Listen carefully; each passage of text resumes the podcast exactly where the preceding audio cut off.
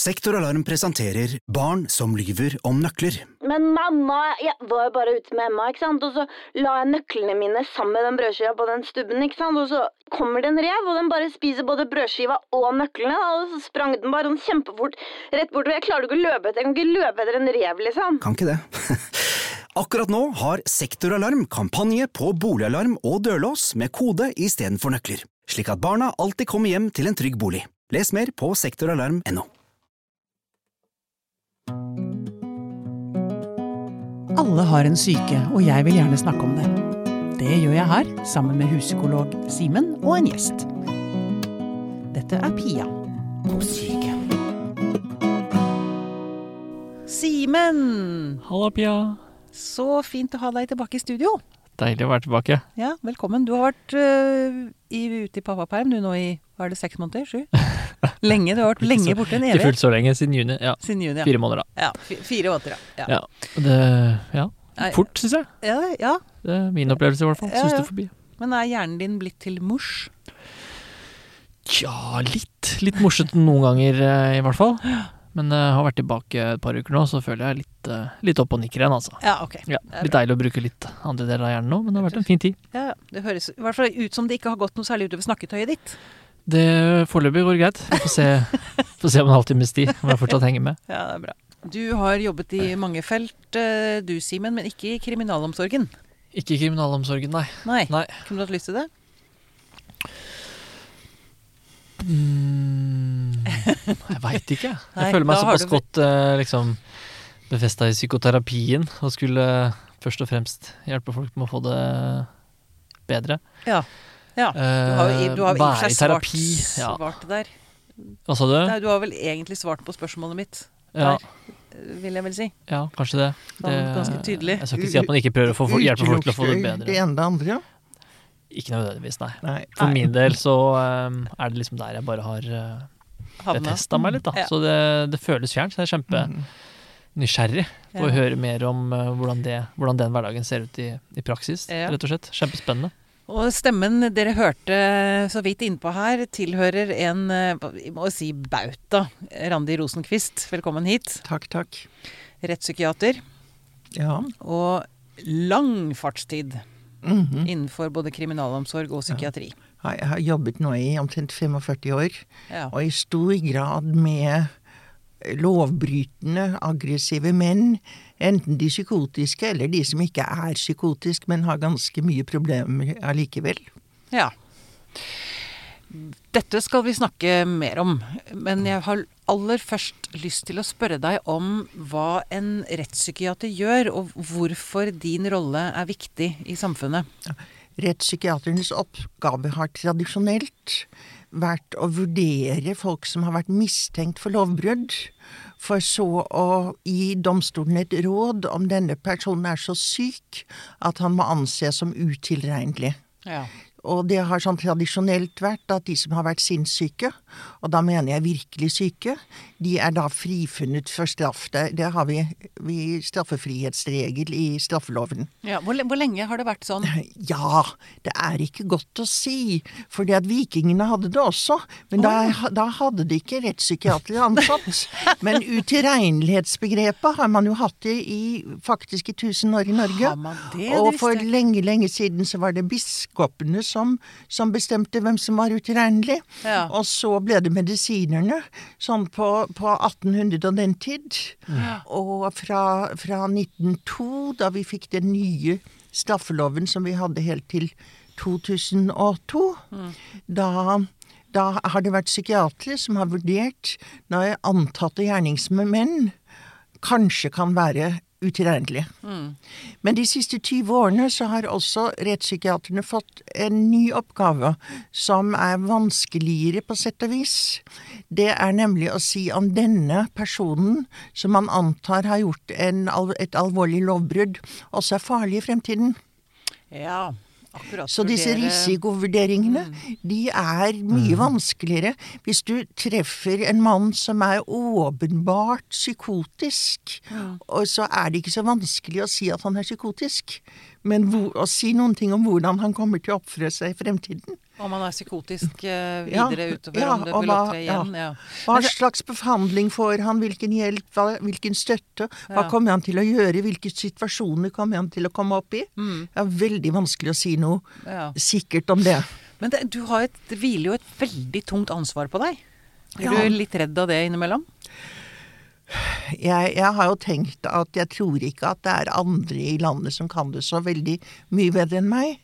Og, og når vi har et sånt system, så må vi gjøre så godt vi kan ut av det. Men noe som kanskje har provosert meg en del, er at i, i diskusjoner, og det har jo alltid vært offentlige diskusjoner om disse spørsmålene, så blir det sagt at det er rettspsykiaterne som bestemmer. Det er, domstolen har ikke noe de skulle si, men det er jo helt misforstått. Fordi at eh, rettspsykiaterne gir domstolen et råd. Og så skal domstolen betrakte dette rådet sammen med alle de andre bevisene i saken. Ja. Og så skal domstolen konkludere. Men altså, du, du har jo da eh, møtt noen av de verste Ja, eller Iallfall de mest dramatiske. Ja, de Ja. mest dramatiske. Ikke de verste, det er feil, men de som har kanskje begått noen av de grusomste handlingene, da. Helt riktig. Ja. Hvordan er det? Det er et veldig Nei, åpent spørsmål. Altså, jeg har jo aldri møtt dem på åstedet, Nei. for å si det sånn. Mm. Så innen jeg har kommet og snakket med folk, så har jo situasjonen roet seg ned. Mm. Og eh, de aller fleste har jo da vært i stand til å føre en samtale. Mm. Ikke alltid en like fornuftig samtale, Mm. men allikevel de har, Det har gått an å føre en samtale med dem.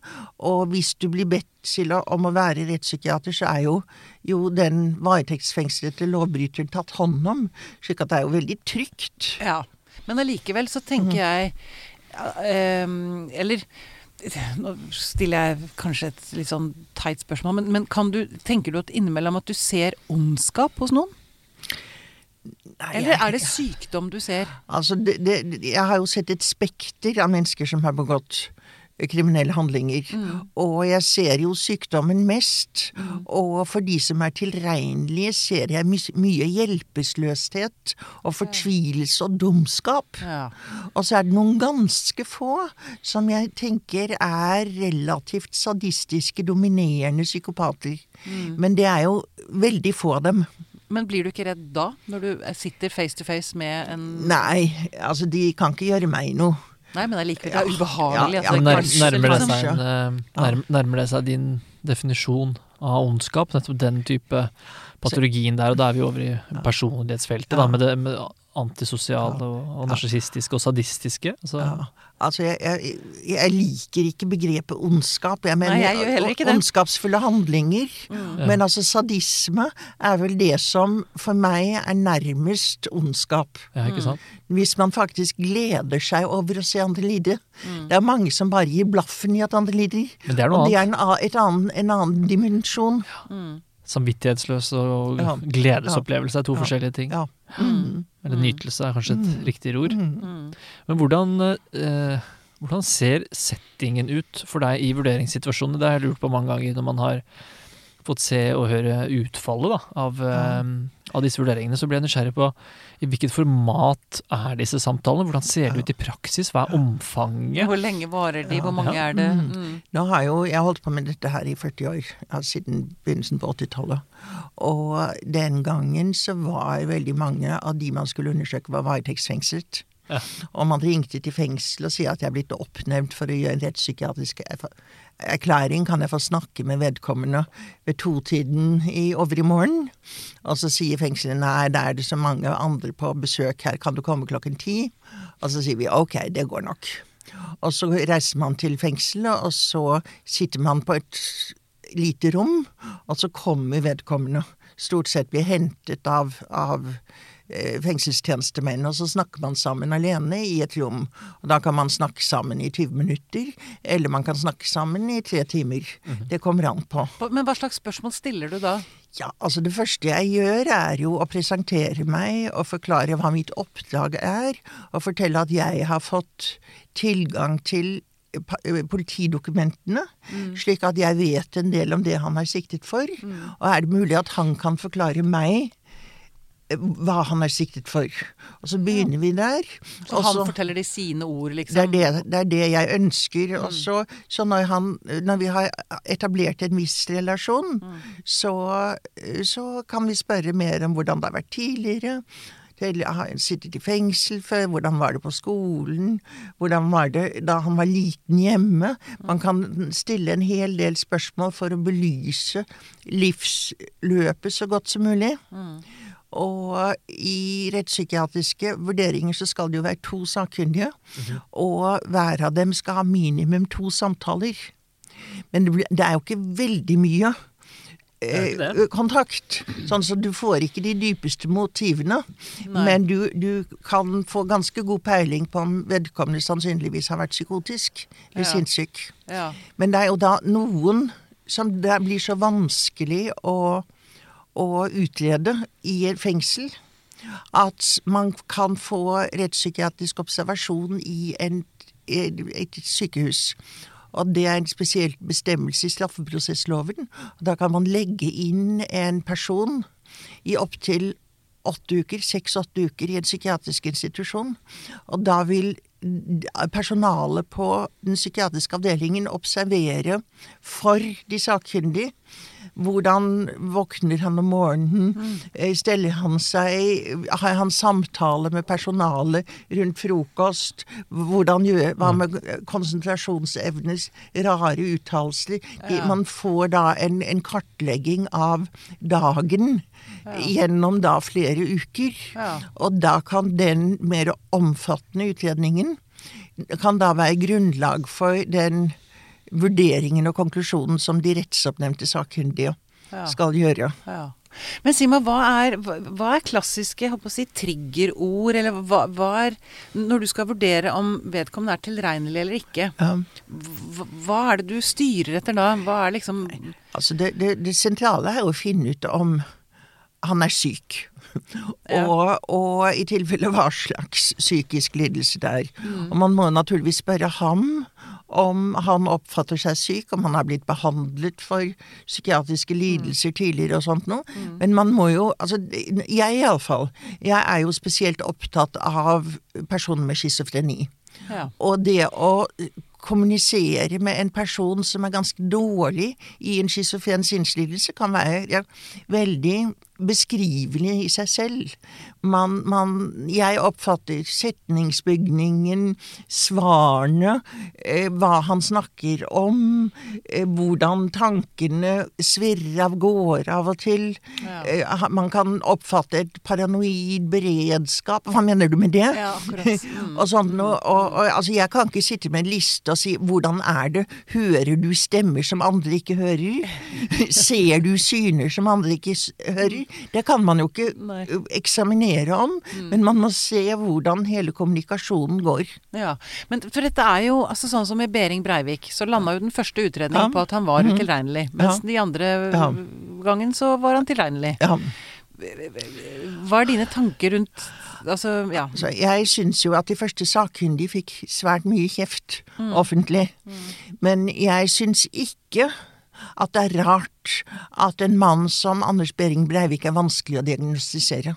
Nei, fordi Han er så uvanlig, og de forestillingene han har gitt uttrykk for, har det en psykotisk natur, eller er det mer en subkulturell eh, verdensoppfatning? Altså, jeg ser jo Ingen sammenligning for øvrig, men når Trump sier at han eh, At they stole the, the election, ja. så tenker jeg Lurer på hvor tilregnelig det er òg. Tror han på det? Er det? Tror han det er sant? Lyver han, eller er han faktisk vrangforestilling eller feilinformert?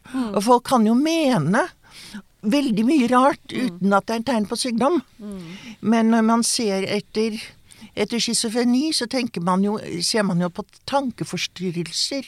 Ja. Og, og jeg, jeg, jeg kan forstå at de første sakkyndige var Da var jo hele Norge eh, forvirret og, og i sjokk.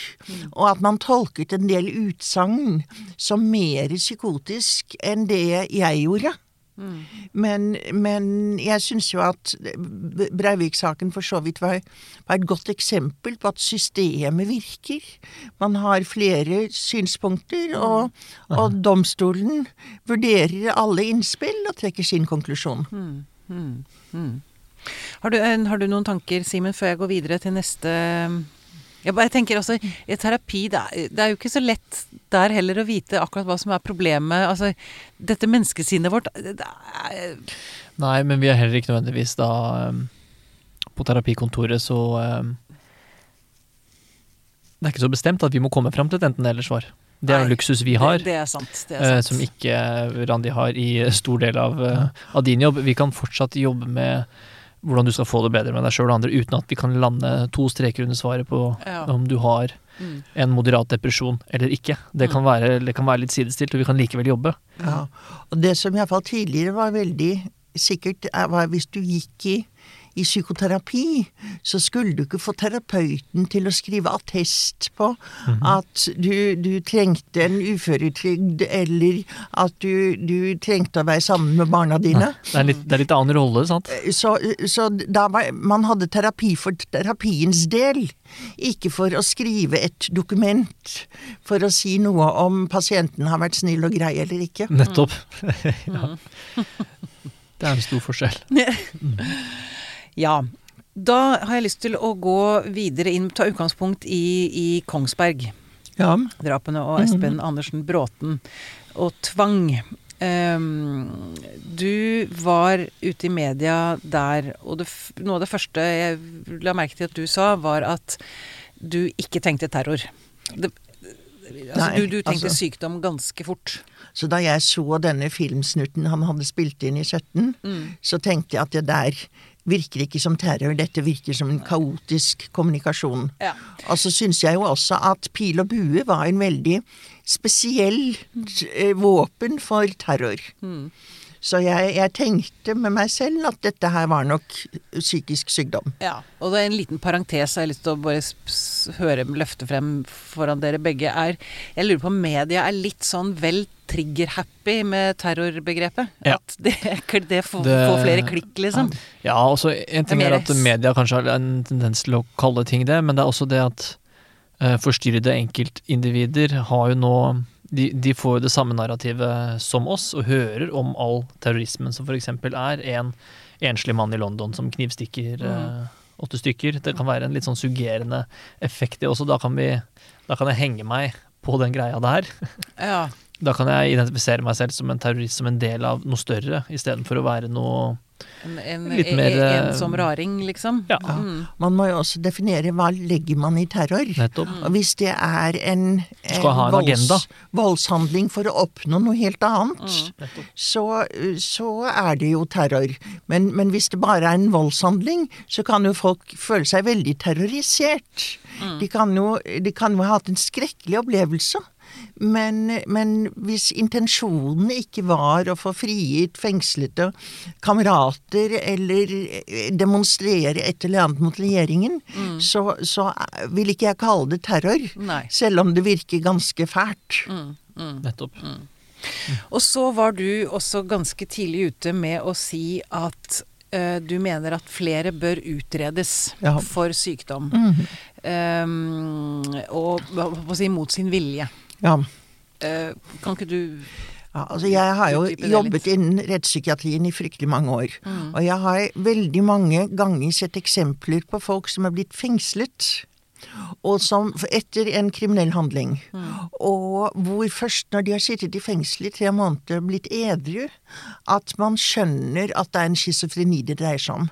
Dette kan være personer som har vært innlagt flere ganger i psykiatrien, kanskje med et par måneders mellomrom, og blitt eh, skrevet ut etter tre dager med diagnosen rusutløst psykose og personlighetsforstyrrelse. Ja. Og disse menneskene har ikke fått en ordentlig utredning. Nei, for det tar tid. Det tar tid å finne ut hva det er som feiler en person. Så når det kommer inn en urolig mann som snakker over seg fredag kveld på en akuttavdeling, så er han antagelig roet ned til mandagen. Men man vet ikke hva var det egentlig som skjedde. Mm. Hvordan er han når han har vært edru en god stund?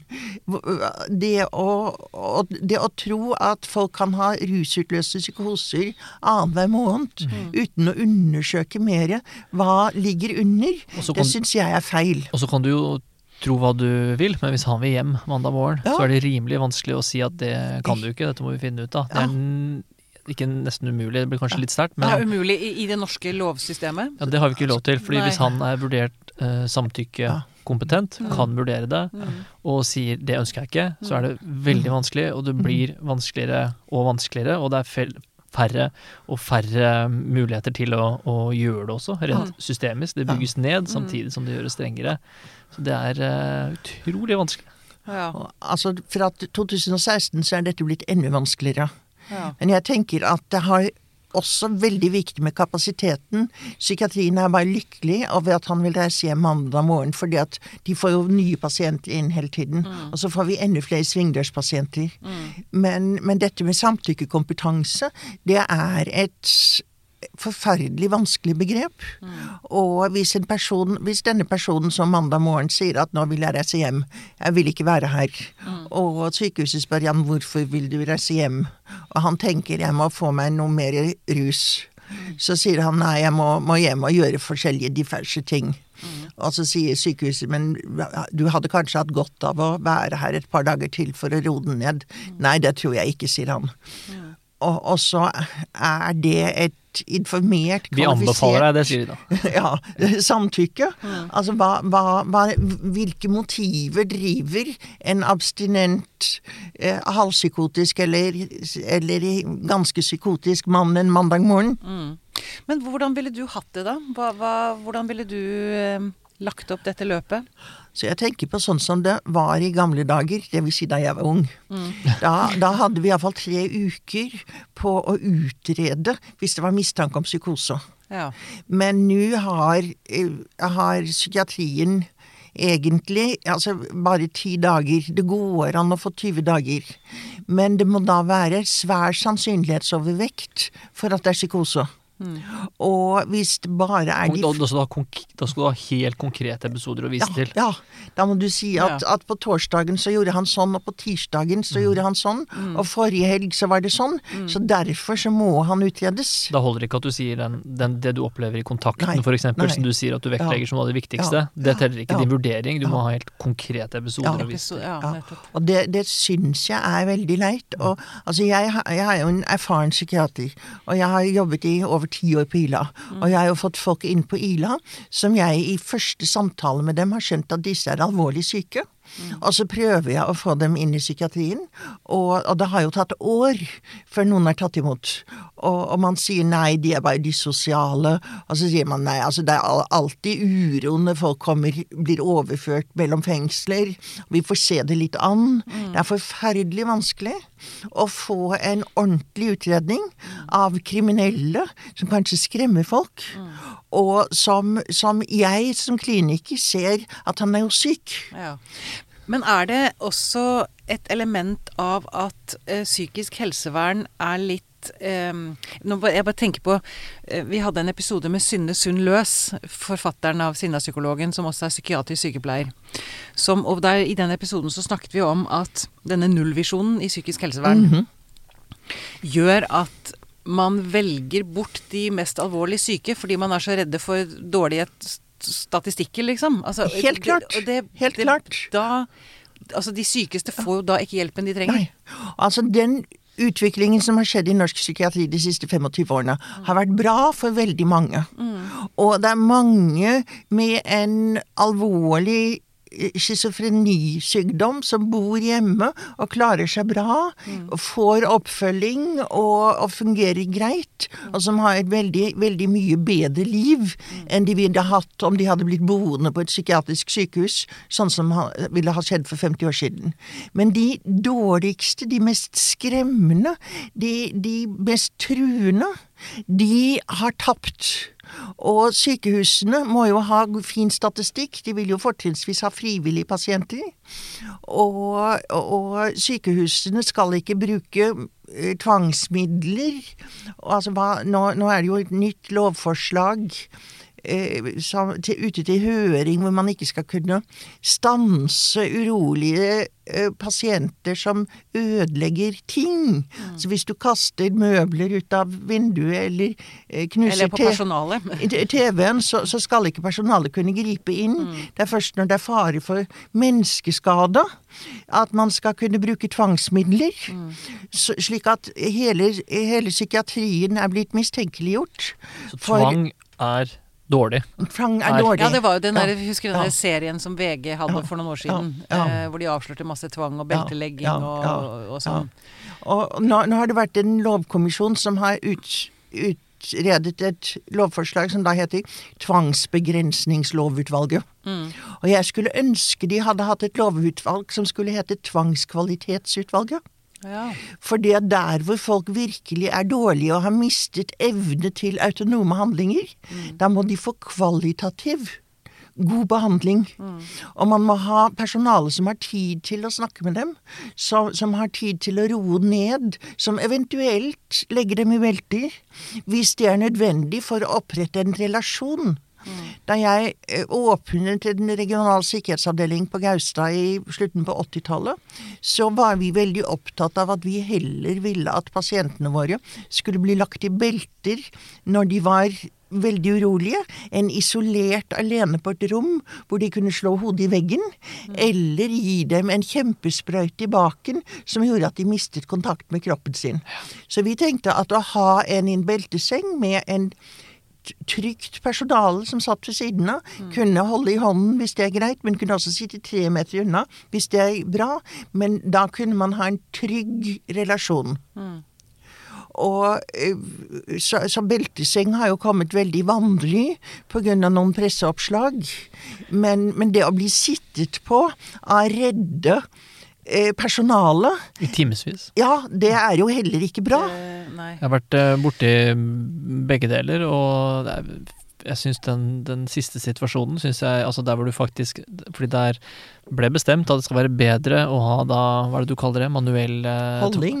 Manuell Holding. tvang, holding. Mm, mm. Altså, hvor du, og da sitter du bokstavelig talt, kanskje hvis du er en ungdom også på en ungdomsinstitusjon, så sitter det da bokstavelig talt voksne på ryggen din fordi det er mer humant, Humant enn enn fordi belter. belter er, er feil per definisjon. Og Og hvis du har vært utsatt for seksuelle overgrep, for eksempel, og så sitter man og holder i lange tider, Ja, det og er- lukter svette. Mm. Ja, og, Altså, ha, og, og ja. ha to mennesker oppå Ja. deg. Altså, det er jeg syns det, det er spennende å zoome enda lenger ut på psykiatrihistorien her. Da. Fordi, altså, før i gamle dager så var det jo Da gjemte du de den, eh, den gærne onkelen liksom gjemte Ja. du på loftet eller Ja. i kjelleren eller noe sånt. Mm. Og så var det Jeg hadde psykiatrihistorie i England, så da var det liksom The Ship of Fools. Hvor du ja. da bokstavelig talt tok da byens uh, gale på et skip og ut til en eller annen øy eller Mm. Australia eller et eller annet. Bort med dem. Og så kommer jo da, blir det litt mer uh, humant. Da kommer de store asylene, og man begynner å se psykisk sykdom. Mm. Du er ikke bare gal, og det skal mm. behandles, eller du skal oppbevares i disse store asylene. Miljøterapi utafor byen. Disse svære viktorianske bygningene hvor du kan Mm. gå i parken og ja, ja. eh, Reitgjerd og sånn, Ja. og Gaustad. Og der, og der blei de jo eh, hele livet. Det var Mm. oppbevaring, det også. De hadde bare tatt den ut hjemmefra, og så Altså, outsourca Det det. å, det å kalle det oppbevaring er jeg litt uenig i. Ja. Altså, de bodde der, og de hadde da en mye fredeligere tilværelse enn de ville ha hatt hvis de skulle være hjemme og tjene til livets opphold. Mm. De fikk en tilværelse som de kunne mestre bedre enn hjemmesituasjonen. ja. Men det var disse enorme institusjonene, ja. ikke sant. Men så kom første generasjon antipsykotika. Ja. Da får vi litt bedre tak på de Ja. eh, schizofrene, og de kan Ja. bli litt mer eh, eh, tilsnakkelige. Mm. Og da begynner den prosessen med å få de ut fra institusjonene og ut i, ut i samfunnet. Ja. Og så har det fortsatt med at det skal være mindre og mindre tvang, også der ute Mm. i, eh, i DPS-systemet. Mm.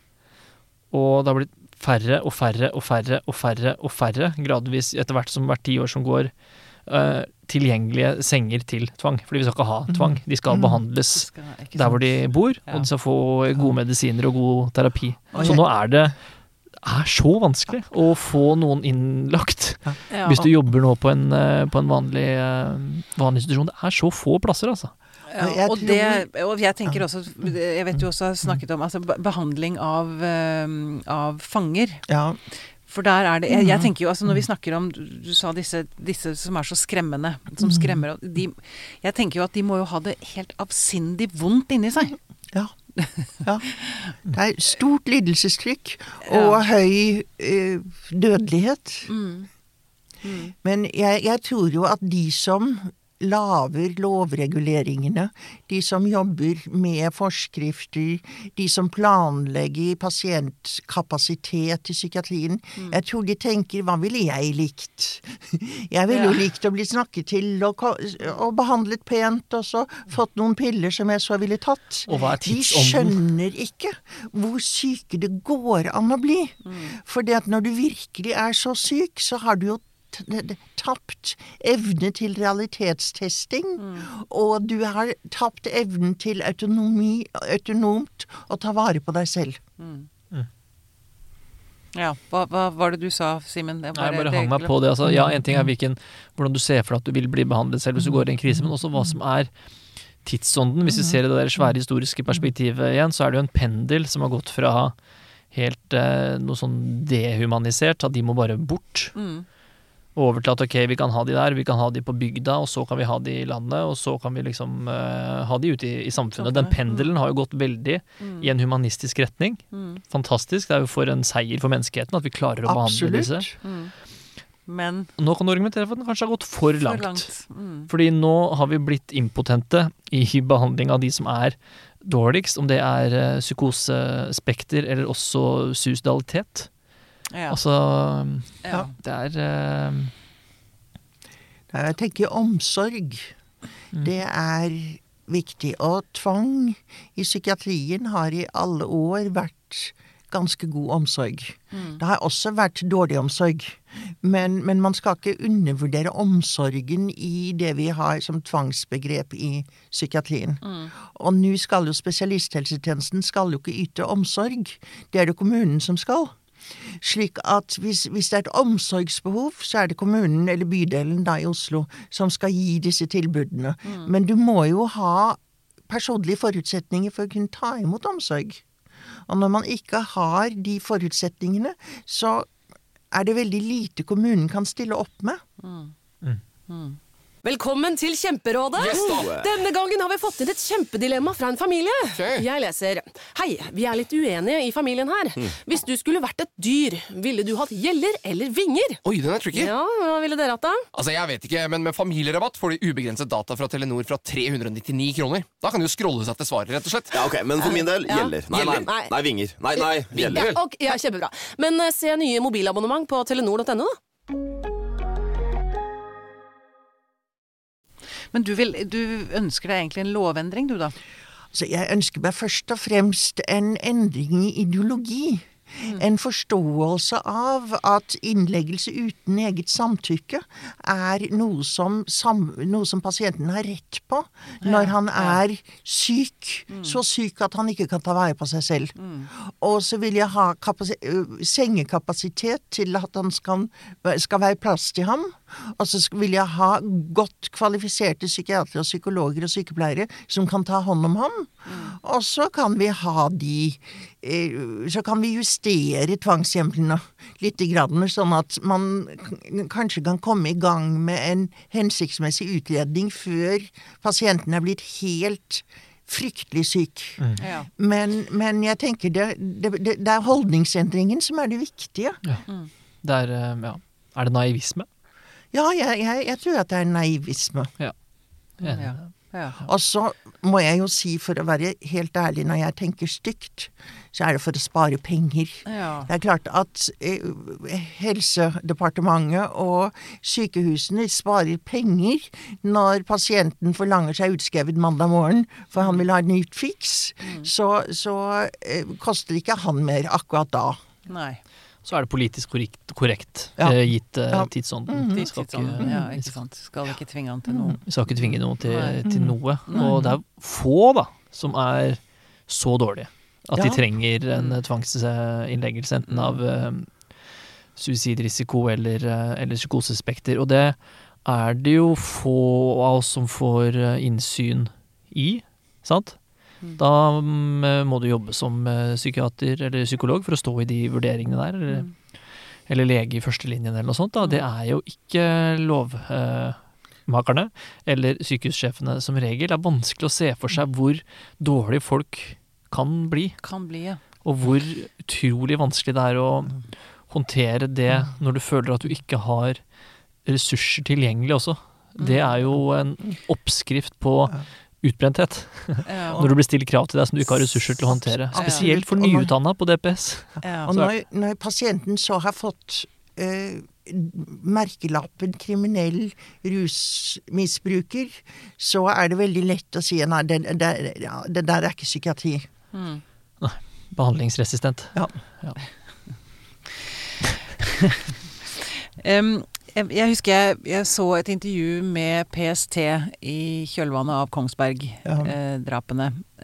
og da sa han som ble intervjuet at de får jo mange hundre henvendelser om fra folk som mener at naboen min er syk, rom- altså, ikke sant? Tror du Altså, klarer vi å, å hindre alle sånne angrep? Nei. Sånne Det, det, kan vi ikke. Nei. Og PST er heller ikke den som skal være ansvarlig for det. PST får prøve å kartlegge terrorister, men vi ser jo at i perioder hvor det lokale politi og det lokale psykiske helsevernet har hatt mer samarbeid, så er det blitt lettere å ta hånd om folk. For det hender jo at politiet sliter med folk i lange tider, hvor politiet bare skrur, klør seg i hodet og tenker dette her er vel utilregnelighet, dette er vel sykdom, og kanskje de kjører han til legevakten, og så skjer jo ingenting. Men hvis man får snakket sammen tverretatlig, så, så kan man plukke opp og kanskje sortere disse mer brysomme, plagsomme, kanskje syke, eh, på en bedre måte. Og jeg, jeg, jeg syns at det var eh, At PST fikk urimelig mye kjør tenkte sånn rett, rett etter dette. Men det som jeg tenker er et forbedringspotensial, det er at dersom politiet mener at denne personen er sy alvorlig psykisk syk, så kan politiet ikke bare fremstille til legevakten, men begjære vedkommende innlagt til videre undersøkelse.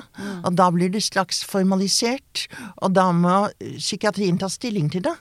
Mer enn 'skal vi legge ham inn'? Nei, vi legger ham ikke inn, vi får se det litt an.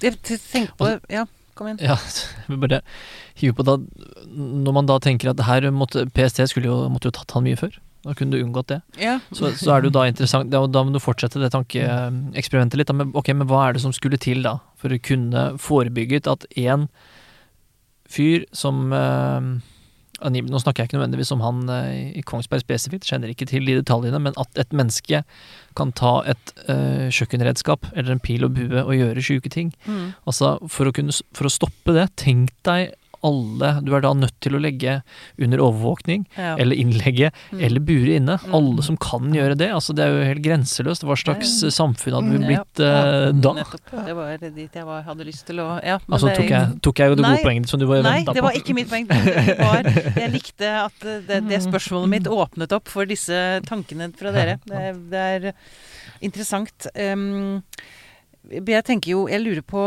om det kunne vært litt i lys av det vi snakket om i sted, at politikere burde blitt litt bedre utdanna Ja. i, innen psykiatri. For det, ikke sant? Vi har snakket om, i mange episoder om, eh, om hvor krevende det er eh, og ja, hvor krevende det er å jobbe innenfor psykiatrien. Ja. Men og også da de aspektene du løfter frem nå, Randi. Ja. Nei, og, og jeg husker da jeg drev på regional sikkerhetsavdeling, så sa jeg til mine underordnede at dere er heldige som jobber her, for hvis dere ikke hadde gjort det, så hadde dere ikke skjønt hvor sykt det gikk an å få være. Ikke sant? Og jeg har hatt kolleger som har jobbet i akuttpsykiatrien, som har hatt politikere på vakt en kveld. Og hvis politikernes referanse til hva er det som skjer på akuttavdelingen, er blitt preget av filmen 'Gjøkeredet', for Mm, så, så har de blitt så forbauset over at vi håndhilser på pasientene og snakker pent til dem, og spør om de vil ha noe å drikke. altså det, det, det, vi har hatt politikere i akuttmottak som er blitt så overrasket over at personalet behandler pasientene pent. Ja. Se for meg at du bare løper rundt med belter og Ja, leker Ja. haren. Ja. ja. Jeg, for å snakke for min egen del, så da jeg studerte eh, psykologi, så trodde jeg jo sikkert eh, først at jeg visste litt om hva det betydde å være ordentlig dårlig, men under, under studiet så jobba jeg som miljøpersonale på en akutt uh, psykosepost. Mm.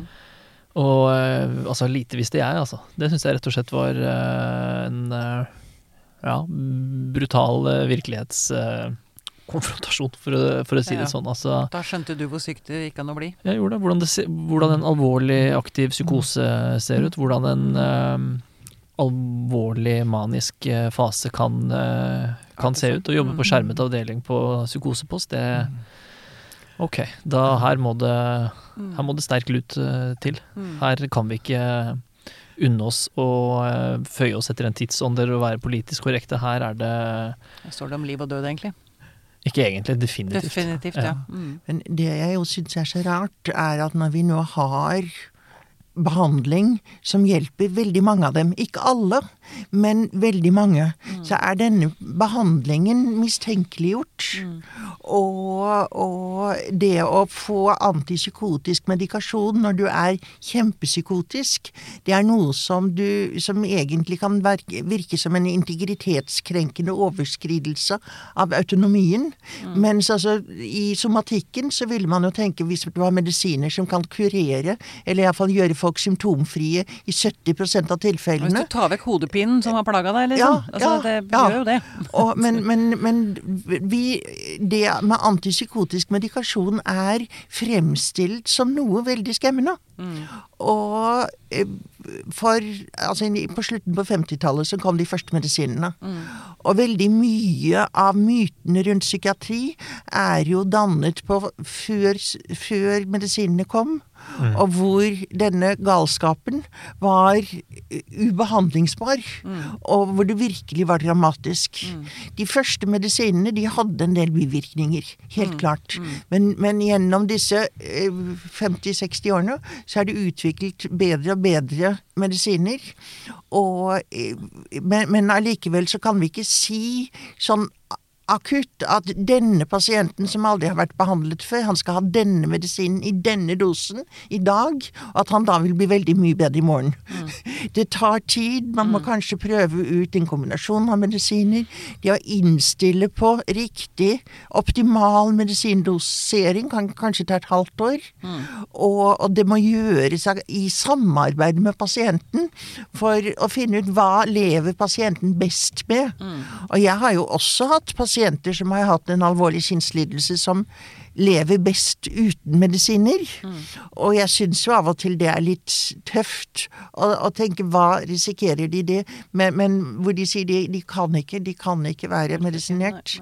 Men, men det å, å virkelig få en god medisinering av en lidelse som ellers er helt forferdelig, at det skal være som, så mistenkeliggjort, det syns jeg er leit.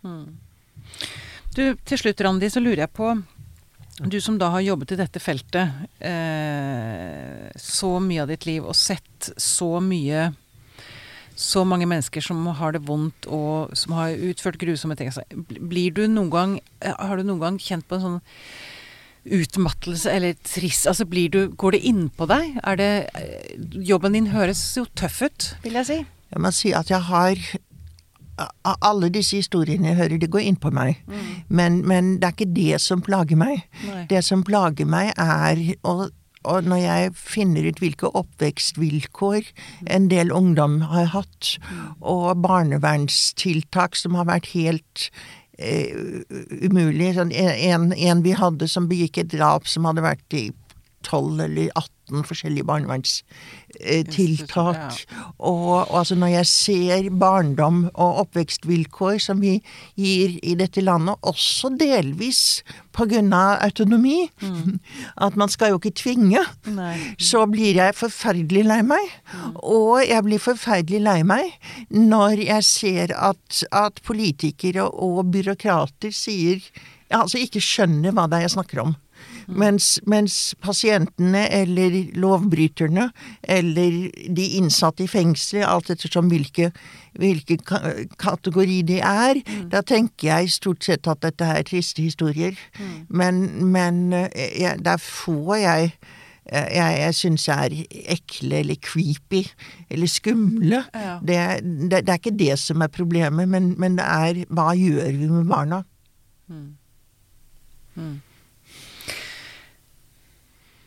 Det var ja, Jeg kjenner det, og at det er, um, det er så vondt å tenke på. Um, ja.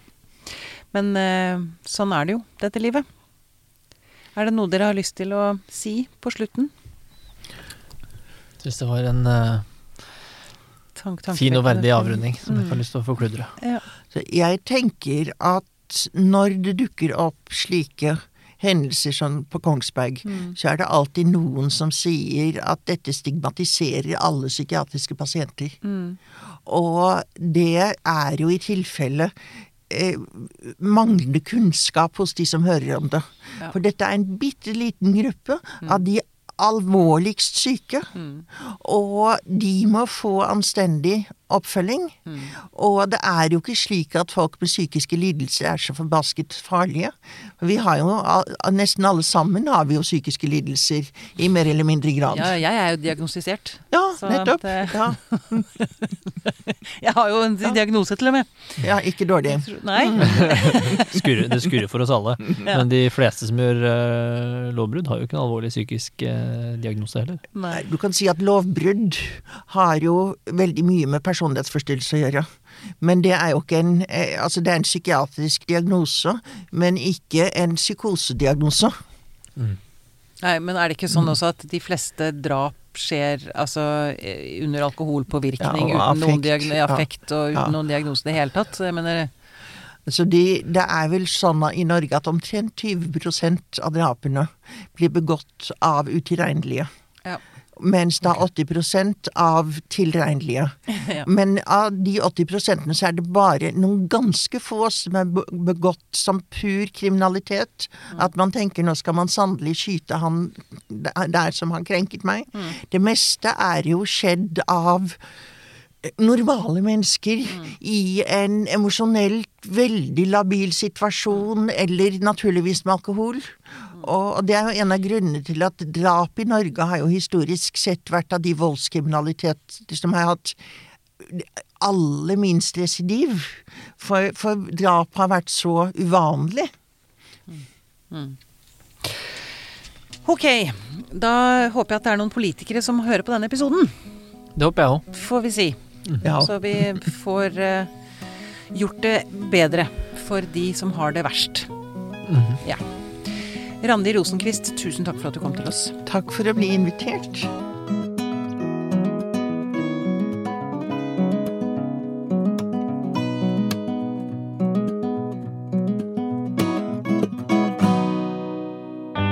Denne podkasten er produsert av Tid og list. Med støtte fra stiftelsen Kåre Berg. Velkommen til Kjemperådet! Yes. Denne gangen har vi fått inn et kjempedilemma fra en familie. Okay. Jeg leser Hei, vi er litt uenige i familien her. Mm. Hvis du skulle vært et dyr, ville du hatt gjeller eller vinger? Oi, den er tricky. Ja, hva ville dere hatt da? Altså, jeg vet ikke, men Med familierabatt får de ubegrenset data fra Telenor fra 399 kroner. Da kan de jo scrolle seg til svaret, rett og slett. Ja, ok, Men for min del Ja. gjelder. Nei, nei, Gjeller. Nei. nei, vinger. Nei, nei, Ja, gjelder. ja, kjempebra. Men eh, se nye mobilabonnement på telenor.no, da.